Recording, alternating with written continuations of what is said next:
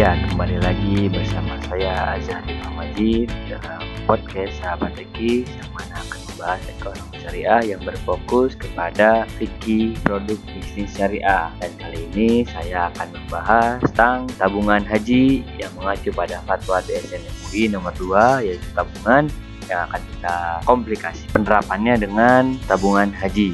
Dan untuk saat ini akan kita bahas yaitu dasar hukumnya, definisinya. Dasar hukum di sini meliputi Al-Quran, Sunnah, Kaidah Ijma ulama, dan akan lebih paham dengan studi kasus yang akan saya sampaikan agar teman-teman di sini lebih paham memahami apa yang saya sampaikan. Untuk itu mari kita lanjut aja ke definisi tabungan sendiri. Tabungan adalah jasa perbankan dan salah satu produk perbankan di bidang penghimpunan dana dari masyarakat adalah tabungan, yaitu simpanan dana yang penarikannya hanya dapat dilakukan menurut syarat-syarat tertentu yang telah disepakati, tapi tidak dapat ditarik dengan cek, biliet giro, atau alat yang lainnya dipersamakan dengan itu. Kegiatan tabungan ini tidak semuanya dapat dibenarkan oleh hukum syariah, bahwa itu DSN membahas ini di fatwa DSN MUI nomor 2 tentang tabungan. Nah, kita akan mengkomplikasikan akad tabungan ini dengan tabungan haji. Akad yang dipakai itu adalah mudorobah. Kita lanjut ke dasar hukum yang melandasi tabungan haji ini. Yakni ada dari Al-Quran, surat An-Nisa ayat 29, Allah berfirman yang berbunyi,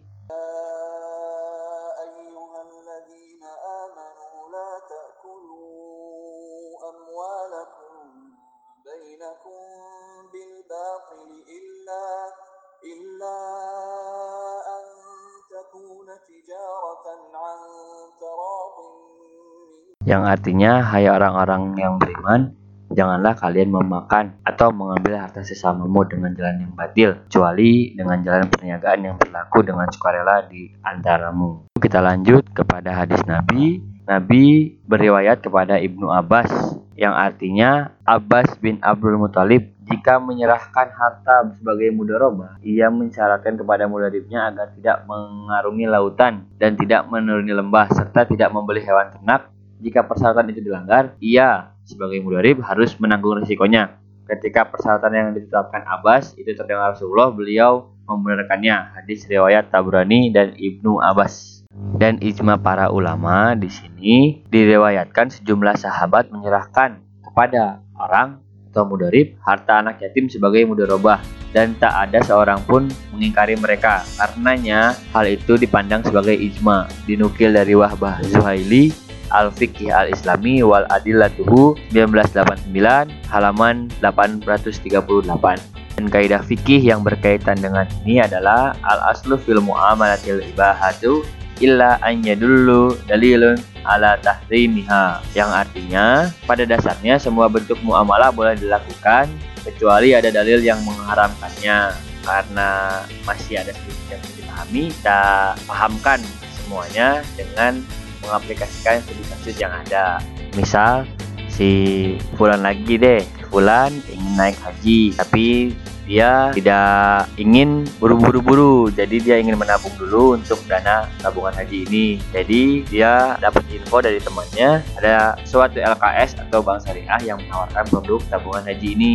Jadi untuk prosedurnya si Fulan ini mendaftarkan diri ke Departemen Agama untuk mendapatkan surat permohonan berangkat haji. Setelah mendapatkan itu lalu si Fulan mendatangi LKS atau bank syariah yang menawarkan produk tersebut produk tabungan haji yang dimaksud di sini agar bisa menabungkan uangnya agar bisa berangkat haji di tahun-tahun berikutnya. Karena itu masih ada banyak yang bingung atas tabungan haji ini, maka fatwa DSN MUI mengeluarkan fatwa tabungan haji, tapi tidak dengan tabungan hajinya melalui akad mudorobah dan akad tabungan. Itu fatwa DSN MUI nomor 2 dan 115.